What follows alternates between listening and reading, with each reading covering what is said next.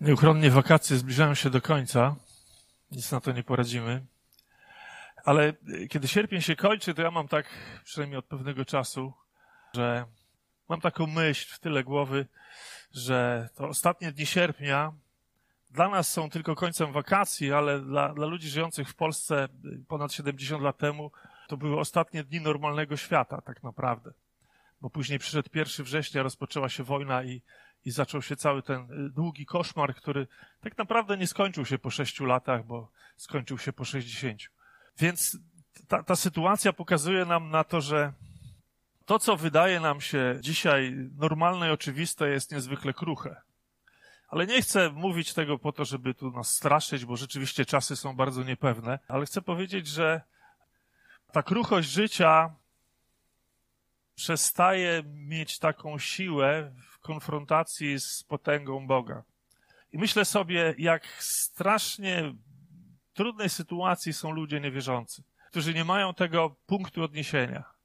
Im zostaje tylko kruchość życia. Im zostaje tylko niepewność jutra i nic więcej to taki teaser, to tak jak w filmach o Jamesie Bondzie zawsze się zaczyna taką historyjką bardzo burzliwą, a później film jest o czym innym, w zasadzie jakby ona nie nawiązuje, to, to, to też to mój taki wstęp, tylko w pewien sposób będzie związany z dzisiejszym kazaniem. Czy zastanawialiście się kiedyś, jakiego cudu Jezusa chcielibyście naocznie doświadczyć? Chcielibyście być Jego świadkami? Zobaczyć tak, będąc niemalże twarzą w twarz, czując, słysząc i widząc. No nie wiem, wskrzeszenie Łazarza, może nakarmienie pięciu tysięcy, może uzdrowienie ślepego od urodzenia, może przechodzenie przez zamknięte drzwi Jezusa, nagle patrzycie, przyszedł stąd. Może zamiana wody w wino, ciszenie burzy, chodzenie po wodzie, zmartwychwstanie. No mamy tych, tych możliwości całkiem sporo. Czy brakuje wam tych okoliczności, o których czytamy w Nowym Testamencie?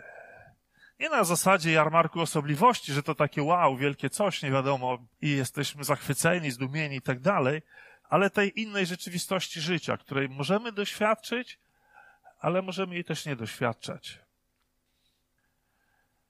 Czy w ogóle się zastanawialiście nad tym? Czy może nie i w ogóle wam tego nie brakuje? Jest taki kierunek w teologii zwany cesacjonizmem, zakładający, że cuda przeminęły wraz z pokoleniem apostołów. I dla pewnego założenia teologicznego, które za tym stoi, bo nie będę wam tłumaczył całej, całej zawiłości tej idei, no trzeba wówczas zakwestionować bardzo wiele wydarzeń z dzieł chrześcijaństwa, na przykład z okresu przebudzeń, bo one stoją w sprzeczności z tym, z tym czymś, co w zasadzie tak do końca nie wiadomo, do czego jest potrzebne. Ale też nie o tym chcę dziś mówić więc o czym w końcu będę mówił. Tak czy inaczej, w Nowym Testamencie mamy opisane liczne cuda i w związku z tym trudno jest tak naprawdę zrozumieć różne epizody tegoż y, Nowego Testamentu, przede wszystkim Ewangelii, te związane z Jezusem przede wszystkim, e, jeśli nie umieścimy ich w kontekście Królestwa Bożego. E, przykładem niech będzie pewna sytuacja, i to już będzie rzeczywiście ten temat dzisiejszego kazania, opisana przez Jana Ewangelistę, znana pod tytułem Jezus chodzący po wodzie przyjrzyjmy się właśnie tej sytuacji, zastanawiając się, co my właściwie mamy z tym zrobić. Jest, bo jest i co z tego wynika dla nas. Szósty rozdział Ewangelii Jana od 15 wersetu czytamy tak. Tymczasem Jezus, gdy poznał, że zamierzają podejść i porwać go po to, aby uczynić królem, znów samotnie oddalił się na górę. A gdy nastał wieczór, jego uczniowie zeszli nad morze, wsiedli do łodzi i wyruszyli na drugi brzeg morza do Kafarnaum. Ciemność już zapadła, a Jezus jeszcze do nich nie dotarł. Morze zaś burzyło się, smagane silnym wiatrem. Wtedy po przewiosłowaniu około 25 lub 30 stadiów zobaczyli Jezusa, jak chodzi po morzu i zbliża się do łodzi. I przestraszyli się, lecz on odezwał się do nich, to ja jestem, przestańcie się bać. Chętnie więc wzięli go do łodzi, a łódź natychmiast przybiła do brzegu, do którego zmierzali. Kiedy my czytamy te słowa dzisiaj, jako, jako dzieci oświecenia i późniejszej dyktatury racjonalizmu, tego całego narzucenia nam takiego oglądu świata, że wszystko musi być wytłumaczalne naukowo, no to historia brzmi dziwacznie. Całkowicie dziwacznie. Natomiast no, jako ludzie wierzący z pokorą ją przyjmujemy, jedni całkowicie poddając się jej, drudzy mając jakiś problem, starając się za wszelką cenę próbować to pogodzić z naukowym poglądem na świat. na pewno nie jest to sytuacja, to, to właśnie wydarzenie, to nie jest sytuacja, która pomaga w rozmowach ze współczesnym wyznawcą światopoglądu naukowego, bo, bo tu nastąpi od razu silna konfrontacja. Nawet nie chodzi o pytanie, czy to jest możliwe, że, żeby to się wydarzyło, no bo Bożą wszechmoc no, kwestionują tylko niepoprawni rewizjoniści biblijnych przekazów, no plus ci, którzy są oczywiście całkowicie niewierzący. Chodzi o inne pytanie. Po co to było? To, czy stawiam to pytanie już dla nas, dla wierzących ludzi. Po co to było? Po co Jezus to zrobił, a po co Jan to opisał? Na drugą część tego pytania łatwo odpowiedzieć. Opisał, bo się wydarzyła, więc dlatego to opisał. Nie wszyscy będą przekonani, że w istocie się wydarzyła i, i, i tutaj zdania będą podzielone, ale ufamy, że się wydarzyła. Dla mnie nie ma, nie ma tutaj żadnej wątpliwości, że się wydarzyła. Natomiast nad tą drugą odpowiedzią, po co właśnie y, Jezus to zrobił, na tą drugą y, częścią się jeszcze, jeszcze zatrzymamy, ale najpierw chciałbym, żebyśmy zwrócili uwagę na, na kilka szczegółów tej historii. Wydarzenie w ogóle się rozgrywa zaraz po, po cudzie rozmnożenia chleba i ten sam początek już jest ciekawy. Tymczasem Jezus, gdy poznał, że zamierzają podejść i porwać go, i wydawałoby się porwać go po to, żeby go zgładzić, unieszkodliwić i tak dalej. Nie, porwać, aby uczynić go królem. Więc zupełnie odwrotna sytuacja, niż byśmy się spodziewali. Więc Jezus nie chciał tego, dlatego że no to nie o to tutaj chodziło, żeby y, nagle on został uczyniony jakimś ziemskim królem. Więc udał się w odosobnienie, jak to miał w zwyczaju, natomiast uczniowie wsiedli do łodzi, też byśmy powiedzieli, jak to mieli w zwyczaju, bo im się to kilkakrotnie zdarzało, mieli popłynąć do Kafarnaum. W końcu no, nie pierwszy raz płyną łodzią, y, część z nich to rybacy, więc, więc robią to nagminnie, rutynowo. Natomiast z opisu przebija pewne napięcie, w pewnym momencie przynajmniej. Ciemność już zapadła, a Jezus jeszcze do nich nie przyszedł. Więc oni płyną, płyną, płyną, już się robi ciemno, Jezusa nie ma, on gdzieś miał się, znaczy oni się spodziewali zapewne, że, że spotka ich na drugim brzegu, bo przecież nie chodzi o to, że spodziewali się, żeby on przyszedł do nich po wodzie. Natomiast jest to taka sytuacja trochę jak z dziećmi, które zostały same w domu i na razie się bawią, jest, jest wesoło, bo rodziców nie ma, cały dom do ich dyspozycji, ale zapada zmierzch, robi się ciemno i robi się straszno. I te dzieci trochę już w pewnym momencie czują się nieswojo, bo różne cienie na ścianach i tak dalej, odgłosy. Więc może nawet do pewnego momentu oni sobie żartowali z tego, płynąc z tej łodzi, ale później już nie było im do żartów. W pewnym momencie y, zrobiło się niemiło, bo czytamy, morze zaś burzyło się pod wpływem silnego wiatru. Jak tłumaczy to jeden z komentatorów, uczniowie wsiedli do łodzi o zmierzchu, natomiast Marek mówi nam, że Jezus przyszedł do nich około trzeciej nad ranem. Czyli upłynęło już dobrych kilka godzin, siedem, może osiem godzin, oni sobie płyną w tej łodzi. A to wiecie, to, to jest jezioro Genezaret, jezioro galilejskie, może tyberiackie, różne nazwy ma, ma to jezioro, więc ono nie jest aż takie duże. Natomiast z relacji Jana wynika, że do tego momentu przepłynęli tylko 5 lub 6 kilometrów, bo jeden grecki stadion to około 200 metrów. Jak tekst Jan precyzyjnie zauważył, że płynęli, przewiosłowali około 25-30 stadiów, więc będzie to jakieś 5-6 kilometrów przepłynęli. W normalnych warunkach, jak dowiadujemy się, doświadczeni wioślarze po, potrzebowaliby około godziny, żeby przepłynąć taki, taki dystans. Natomiast oni płyną 7-8 godzin, no niech będzie 6 Niech będzie pięć. To jest ciągle pięć razy więcej niż powinno im to zająć. Więc wiecie, trochę się kręcą w kółko. To znaczy nie do końca, nie dokładnie, ale, ale płyną, płyną i nie mogą dopłynąć. Więc robi się coś, coś niefajnego. Zaczynają się dziwić. I wyobraźmy sobie tę sytuację, bo, bo mówimy, jezioro powinny je przepłynąć dosyć szybko, bo taki mamy wyobrażenie jezior. Natomiast to jest jezioro duże. Ono jest mniej więcej o połowę większe niż, niż nasze śniardwy więc nie jest to takie sobie zwykłe małe jezioro. Natomiast jest to ciągle jezioro, więc mają to wzburzone jezioro, które rzeczywiście przez swoją wielkość w tamtym otoczeniu ono często nabierało takiego charakteru mocno niebezpiecznego. Więc mamy spory akwen, wiatr solidnie smaga ich po twarzach, y, od paru godzin wiosłują, wiosłują i nie mogą dowiosłować na miejsce.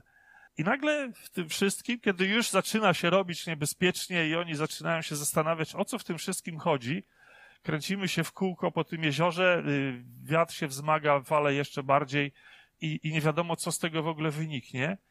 nagle widzą zbliżającego się do nich Jezusa, Jezusa idącego po falach. Takie rzeczy się nie zdarzają. To się nie dzieje naprawdę. Jezus idzie do nich po falach. Jezus idzie do nich po wodzie. Oczywiście racjonalni komentatorzy, znaczy racjonalni, e, ci, którzy kierują się racjonalizmem, nie, nie fideizmem, czyli nie wiarą, tylko tym, co rozum podpowiada, no tłumaczą, starają się to wytłumaczyć tak, że silny wiatr, płytkie morze, y, morze susza. Widzimy dzisiaj, jak to się często dzieje, że, że wysychają potężne rzeki tego lata w zachodniej Europie, więc tłumaczą to sobie pewnie w ten sposób, że, że jezioro było bardzo płytkie, więc Jezus sobie szedł i tak zwyczajnie się to działo. Nic takiego. O co, o co to wielkie, wielkie halo? Natomiast, no, bądźmy poważni, to jest duże jezioro i ono w tamtym czasie nic na to nie wskazuje, że ono wyschło. Więc, y, więc oni widzą Jezusa, y, myślą, że to zjawa, no bo co mogli sobie pomyśleć? Zbliża się jakaś zjawa i na zdrowy rozum to jest jedyne wytłumaczenie. Myślą sobie, już tak trochę nam rozum odbiera, się nawiosłowaliśmy, namęczyliśmy, przestraszeni jesteśmy i mamy zwidy, jakieś omamy. Wtedy Jezus do nich się odezwał, to ja jestem. To ja jestem. Po grecku to brzmi ego eimi, to nam nic nie mówi specjalnie. E, natomiast e, kiedy mówił do nich po aramejsku, a mówił do nich po aramejsku, bo nie mówił do nich po grecku, bo byłoby to bez sensu całkowicie, po grecku zostało to zapisane, kiedy mówił do nich po aramejsku, brzmiałoby to mniej więcej ja, Jahwe, jestem tutaj. Ja, Jahwe, jestem tutaj. To ja, Bóg, jestem tutaj. To są oczywiście te słowa, w których Jezus wielokrotnie się objawiał i zwracał się do swojego ludu, na przykład y, do Mojżesza w gorejącym krzewie, na przykład do Ozeasza, do Izajasza i oni później dalej przekazywali to poselstwo od Boga, który im się właśnie objawił y, tymi słowami. Tak jakby Jezus chciał powiedzieć, zbliżając się do nich, nie bójcie się, Bóg jest z wami. Natomiast jakbyśmy potraktowali to bardziej przyziemnie, no to Jezus powiedział, to ja, to ja idę do was, nie bójcie się, to ja Jezus, wasz kumpel, wasz, wasz przyjaciel. Co to oznaczało w tej sytuacji? W tej sytuacji, w której oni się konkretnie znaleźli. Nie bójcie się, już dłużej nie jesteście sami, mówi Jezus. Nie bójcie się, nie bójcie się tej sytuacji, nie bójcie się, co może się wydarzyć, bo już nie jesteście dłużej sami. Dlatego jak czytamy, chętnie go zabrali do łodzi, nic dziwnego, że chętnie go zabrali, a łódź od razu przybiła do brzegu, do którego płynęli. Tak po prostu. Normalnie, biorąc pod uwagę sytuację, w której byli i wielkość tego jeziora, do brzegu mogło być jeszcze około 2-3 kilometrów. Natomiast biorąc pod uwagę ich dotychczasowe wysiłki, to ile do tej pory przepłynęli, powinni jeszcze płynąć kilka następnych godzin. Oczywiście to od razu nie oznacza, że wiecie, tak jak, nie wiem, na przyspieszonym filmie, że natychmiast są na brzegu, ale w normalny, w normalny sposób znaleźli się na brzegu, czyli tak jakby by to im zajęło w normalnych warunkach. I to pokazuje nam na tą ogromną różnicę, co to znaczy mieć Jezusa w łodzi lub co to znaczy płynąć samemu w łodzi. Ta prosta różnica tak naprawdę zmienia wszystko w naszym życiu. Tak jak zmieniła wszystko w ich życiu, tak samo zmienia wszystko w naszym życiu. Szkoda, że nieczęsto o tym pamiętamy. Tak mi się wydaje, że nieczęsto o tym pamiętamy. Czy Jezus jest w tej łodzi, czy nie jest w tej łodzi. Natomiast jeśli chodzi o sam przebieg wydarzeń, to jest właściwie wszystko. To jest cała historia. Tu nic się więcej nie wydarzyło, e, chociaż nie do końca. Bo wiecie, ta historia opisana jest w trzech Ewangeliach. W Ewangelii Mateusza, Marka i Jana. Ale u Mateusza mamy jeszcze dodatkowy element. U Mateusza jeszcze mamy Piotra chodzącego po wodzie, czego nie, nie odnotował Jan ani Marek. Ciekawe, prawda? U Jana ta historia jest zamknięta na tym wydarzeniu, natomiast u Mateusza na, u Mateusza czytamy, wtedy odezwał się Piotr, panie, jeśli to ty jesteś, każ mi przyjść do siebie po wodzie. Przyjdź, polecił. I Piotr wyszedł z łodzi, szedł po wodzie i zbliżył się do Jezusa, jednak potężny wiatr przestraszył go i gdy zaczął tonąć, zawołał, panie, ratuj mnie. Jezus natychmiast wyciągnął rękę, uchwycił go i powiedział, o małowierny, dlaczego zwątpiłeś? A kiedy weszli do łodzi, wiatr ustał. No i teraz pytanie, dlaczego dwóch ewangelistów tę historię pomija, a jeden ją opisuje? Nie lubili Piotra? Jan go lubił. A może Marek i Jan zrobili po prostu tak, jak ja zrobię? Wyłączę Piotra, żeby on nie odciągał naszej uwagi od Jezusa. żebyśmy się skupili na tym wydarzeniu związanym z Jezusem, a nie na wydarzeniu związanym z Piotrem. Bo musielibyśmy się skupić właśnie na Piotrze i poświęcić mu sporą uwagę całej tej, tej okoliczności związanej z tym, co Piotr zrobił, czego nie zrobił, jak się to skończyło. Natomiast ja chcę pokazać coś innego niż postawę właśnie rybaka z Galilei. To tak jak z montażem filmu, kiedy reżyser tych scen nakręcił sporo, zgodnie ze scenariuszem, a jeszcze czasem niezgodnie, i później musi, musi wyciąć pewne, pewne fragmenty nakręcone już, żeby opowieść była krótsza i spójniejsza. Czasem jeszcze z innych powodów to robi, więc tak się czasem dzieje. Jakiś aktor grał w filmie, a później patrzy, nie ma mnie. Jak to możliwe? Więc tutaj mamy taką sytuację. Piotr został wycięty przez Jana. Ale skupiamy się na tej historii związanej z Jezusem i co z tego wynika. Więc jaka, jaką uniwersalną naukę ta historia kieruje, kieruje do uczniów tam i do nas tu? Więc po pierwsze, w kategorii miejsca pokazuje świat samotnych ludzi w łodzi, którzy zmagają się z nieokiełznaną rzeczywistością królestwa tego świata. Nie potrafią tego okiełznać są dobrzy w tym, co robią, potrafią to robić. W tej łodzi nie są pierwszy raz, nie są nowicjuszami, nie zgubili się, nie wpadli w panikę, robią to, co zwykle robili i to, co powinni zrobić, a jednak rzeczywistość tego świata ich przerasta. Znamy dobrze to doświadczenie, prawda? Wielokrotnie w naszym życiu tego doświadczamy. Wiemy, co zrobić, robimy to, co należy, a efekt zupełnie nie jest taki, jaki powinien być. Mozuł, trud, lęk, powolne zmierzanie do celu. To jest właśnie to, co im towarzyszy. I w kontraście do tego pojawienie się Jezusa całkowicie zmienia tę rzeczywistość. Nagle jest Jezus i jest wszystko, wygląda wszystko inaczej. Materia się im opiera przez kilka godzin, ale nie jest w stanie oprzeć się Jezusowi, który po prostu przyszedł. Po prostu się pojawił, po prostu wkroczył na scenę tego wydarzenia. To jest ta kategoria miejsca, że to się zdarzyło tam. Natomiast kategoria czasu, jak patrzymy na to wydarzenie w kategorii czasu, to nam pokazuje, że, że nadejście Królestwa Bożego, czyli Jezus uosabia to nadejście Królestwa Bożego i ono zamyka od razu, tak jak czytamy, że od razu dobili do brzegu, chociaż to od razu trochę potrwało, ale, ale zdecydowanie y, jest to zamknięty czas. Od razu y, zamyka te niekończące się zmagania, te piętrzące się problemy i tą stałą niepewność y, dotyczącą tego, co się wydarzy, bo już wiadomo, co się wydarzy, dobili do brzegu. Koniec, historia się zakończyła. Happy end, szczęśliwie, wszystko, wszystko jest dobrze. Dlatego to nas uczy, że czas jest wartością względną w naszym życiu. Krótko, długo to są pojęcia, którymi się posługujemy, ale one są ważne dla nas, natomiast są bez znaczenia dla, bez znaczenia dla Bożego zamysłu. Bóg wkracza w historię y, naszego życia, w historię świata, w historię czegoś pomiędzy i realizuje swój zamysł. I dla niego to nie ma znaczenia, czy to trwało długo, czy krótko. To trwało tyle, ile miało trwać, wchodzi w to i zamyka w, w odpowiednim czasie dokładnie jest ten punkt czasowy, który on zamierzył i się to dokładnie wydarzyło. Całkowita kontrola. To nie znaczy, że, że Bóg nas ignoruje przez to, że coś trwa długo w naszym życiu. Po prostu celem jest coś innego niż nasze dobre samopoczucie w danym momencie.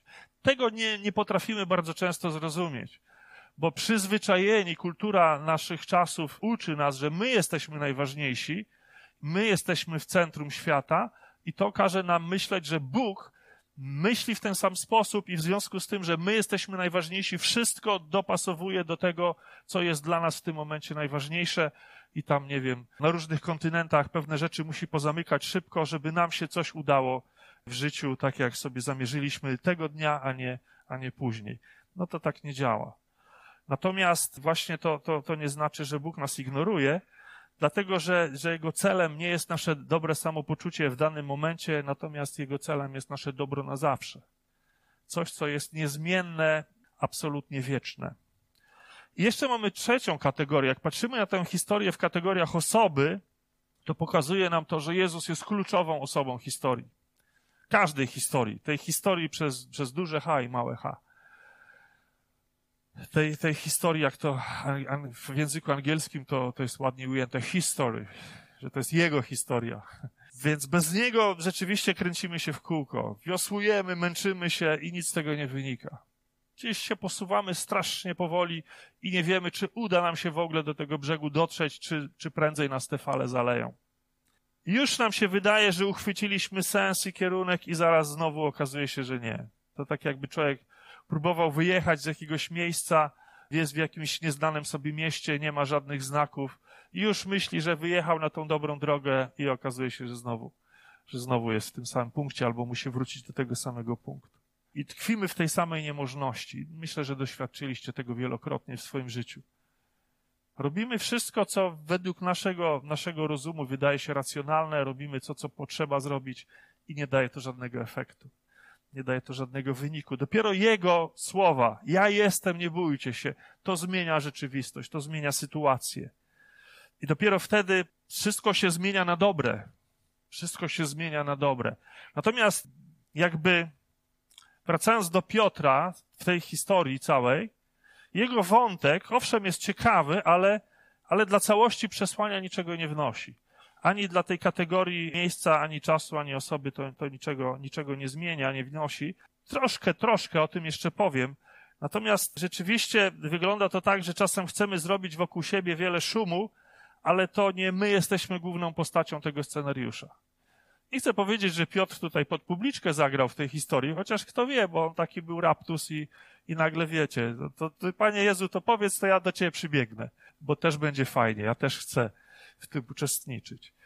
Jeszcze na jedną rzecz warto zwrócić uwagę w całej tej historii. Uczniowie nie byli winni znalezienia się w tej sytuacji. To nie jest tak, że oni zrobili coś złego, oni, że po swojemu wzięli łódkę, ukradli, popłynęli, rodzicom zabrali kluczyki i tak dalej. Oni nie zrobili niczego złego w tej sytuacji. Zrobili to, co powinni zrobić i pamiętajmy o tym, że tak właśnie było. Natomiast Jezus chciał im coś pokazać. To nie jest sytuacja, że teraz Jezus chciał im dać nauczkę albo coś w tym rodzaju. Po prostu wykorzystał tę sytuację, żeby coś im pokazać. Pokazać im różnicę pomiędzy tym, kiedy są sami i kiedy są z Nim.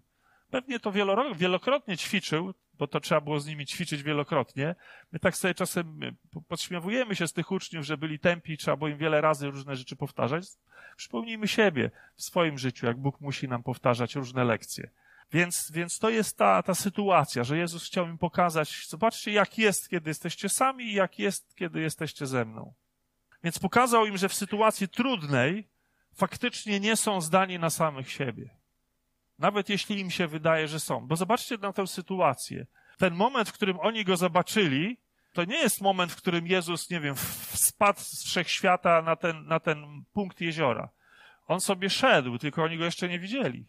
On sobie szedł, on się do nich zbliżał, więc, więc to wydarzenie już się zaczęło dużo wcześniej, niż oni sobie zdali z tego sprawę. Tak jest bardzo często w naszym życiu. Bóg już idzie do nas, a my dopiero widzimy go w pewnym momencie i myślimy, że dopiero w tym momencie on się pojawił w naszym, w naszym życiu, w naszym problemie. Nie, on już tam się zbliżał, on już od dawna się zbliżał, on już cały czas obmyślał plan i cały czas obmyślał to działanie i w zasadzie je już wdrażał. I sobie to wyobrażam, jakbyśmy użyli takiej metafory współczesnej, to, to mamy problem, jesteśmy na tym, na tym jeziorze, a Jezus idzie, już zaczął iść i przez komórkę dzwoni i, i y, aranżuje różne wydarzenia, które mają pomóc im wyjść z tego cało. Tu dzwoni, tam dzwoni, w różne miejsca, tam, żeby, żeby wiatr przestał, tam, żeby morze, tam, żeby coś i tak dalej. Więc tak to wygląda z tym Bożym działaniem, ale my sobie z tego nie zdajemy sprawy. Wróćmy do samego chodzenia po wodzie, bo to jest najciekawsze w tym wszystkim. Ale też wam nie wyjaśnię tego z punktu widzenia fizyki na przykład. Wszyscy się raczej zgodzimy co do tego, że, że Jezus nie był kuglarzem, który nabierał swoich uczniów na takie sztuczki właśnie jak chodzenie po wodzie. Właśnie na zasadzie, że to takie, wiecie, narty wodne albo coś. Więc to nie tak. Co prawda był taki wyjątek w czasach starożytnych jak Celsus, ktoś taki jak współczesny Charles Dawkins, taki, taki wróg chrześcijaństwa, który dokładnie zarzucał Jezusowi, że jest kuglarzem i robi sztuczki i wszystko udaje, ale generalnie, generalnie nie zakładamy, że, że tak było. Na pewno nie chodziło Jezusowi o to, żeby zrobić na widzach wrażenie. Na widzach tych w Łodzi i na czytelnikach Ewangelii później. Żeby tutaj spektakularny czyn i tak dalej. Oczywiście łatwo jest odpowiedzieć, że Jezus chciał pokazać swoim uczniom, że ma moc panowania nad materią, nie jest więc zwyczajnym nauczycielem i prorokiem i na pewno jest to część odpowiedzi, ale nie jest to jeszcze cała odpowiedź. Myślę, że tak naprawdę chodziło o coś innego albo o coś jeszcze poza tym, co powiedziałem przed chwilą. Myślę, że chodziło o pokazanie rzeczywistości. Jezusowi chodziło o to, żeby uczniom i nam, czytelnikom, pokazać na rzeczywistość Królestwa Bożego. Dlatego, że Jezus często podczas swojej działalności na ziemi pokazywał nam, czym się różni Królestwo Boże od Królestwa tego świata. To, co na tej ziemi jest cudem, to, co na tej ziemi jest wyjątkiem jakimś od reguły, w Królestwie Bożym jest, jest rzeczywistością zwyczajną, jest częścią natury. To, co tu jest nadnaturalne, tam jest naturalne.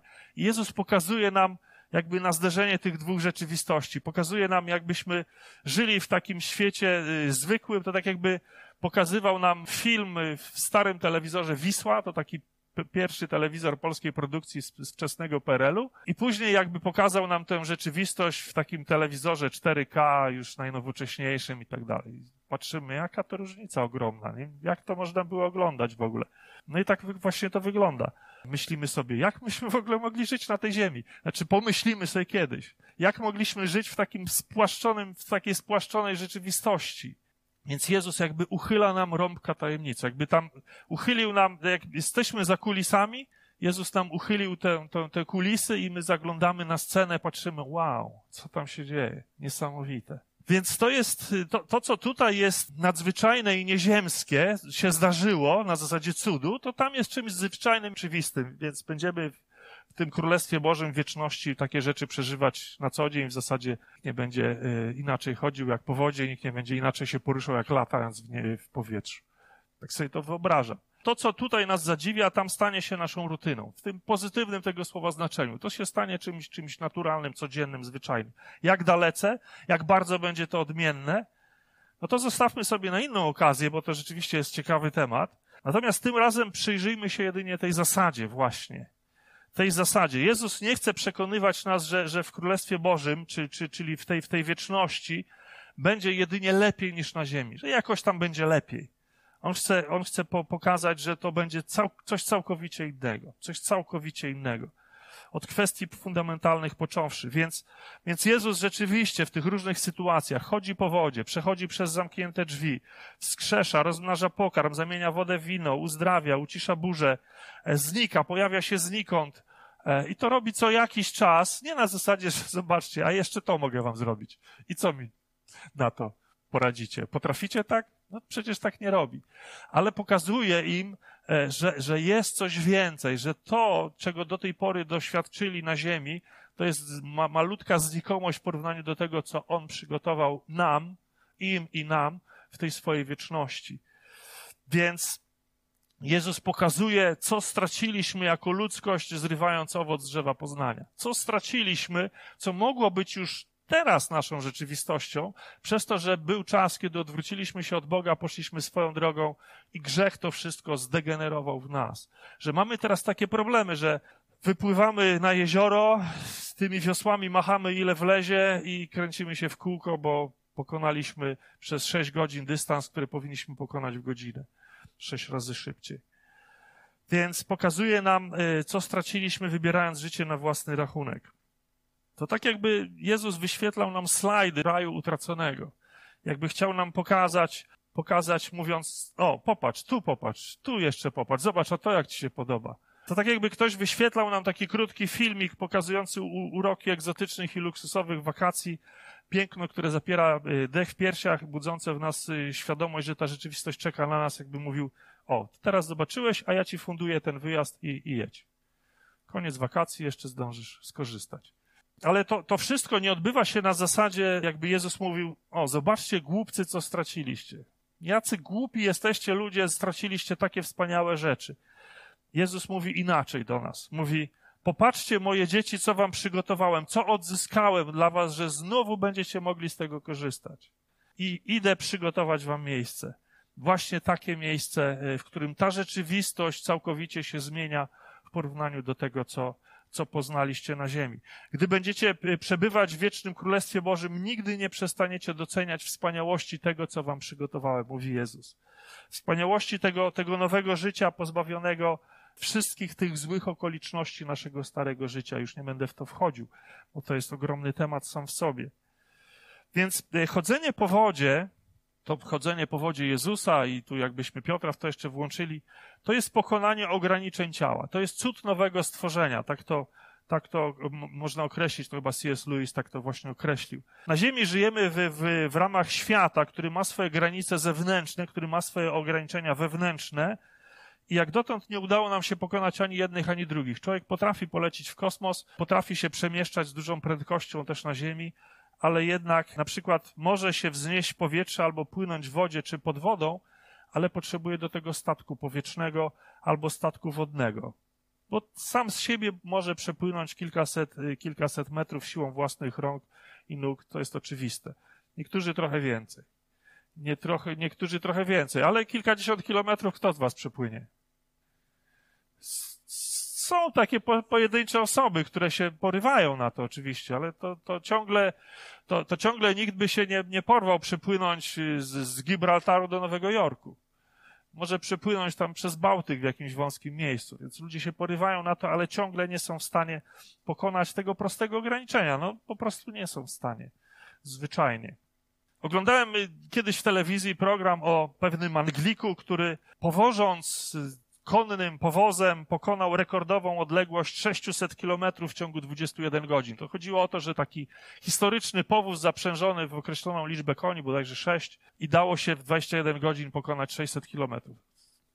Myślimy sobie, no i co z tego? Każdy z nas, albo prawie każdy, pokonywał w krótszym czasie większe odległości samochodem czy samolotem. Co to jest 21 godzin i raptem 600 kilometrów.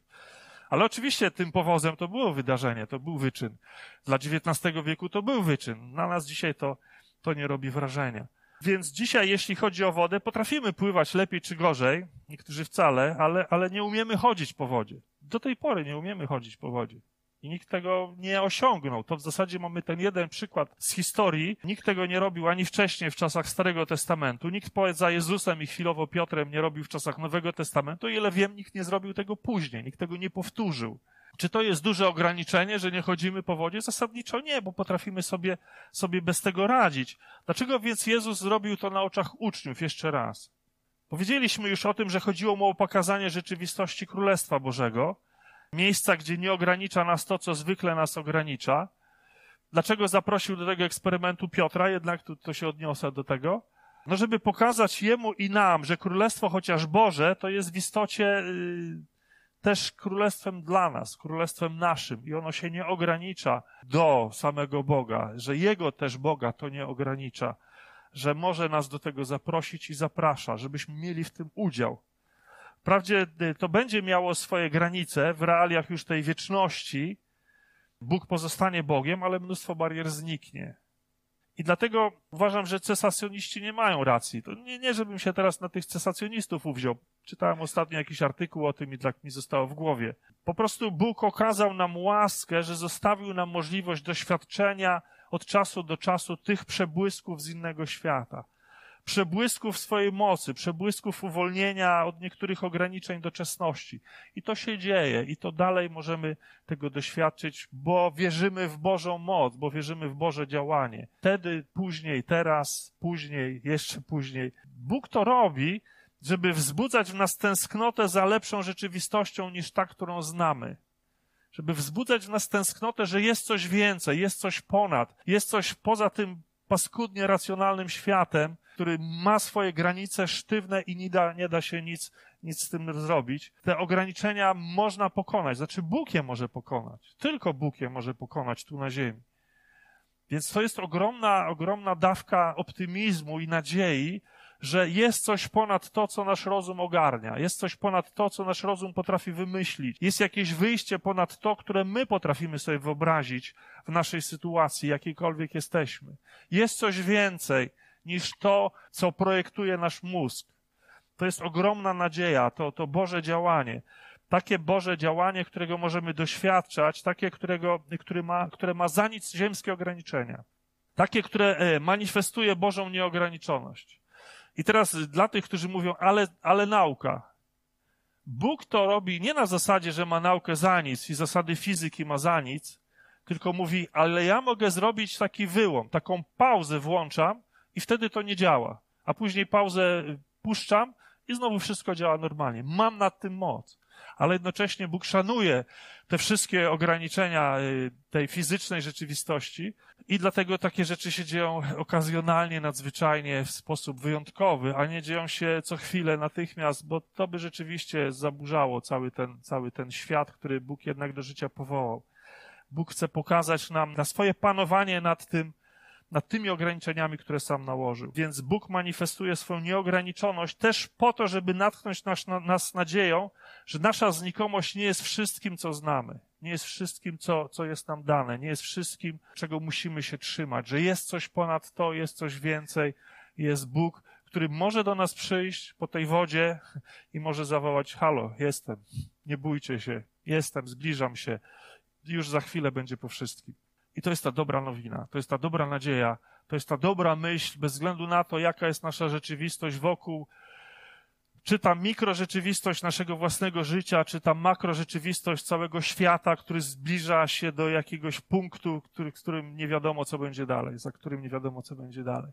Ale nad tym wszystkim jest Bóg, który wie, co będzie dalej, panuje nad tym i wie, że doprowadzi nas do bezpiecznej przystani. Dobijemy do brzegu, wyjdziemy na brzeg, i odetchniemy z ulgą. I to jest ten Boży plan, to jest to Boże panowanie nad, nad całym tym wszechświatem, nad całą tą rzeczywistością, który, który Bóg manifestuje, żeby dodać nam otuchy. Amen.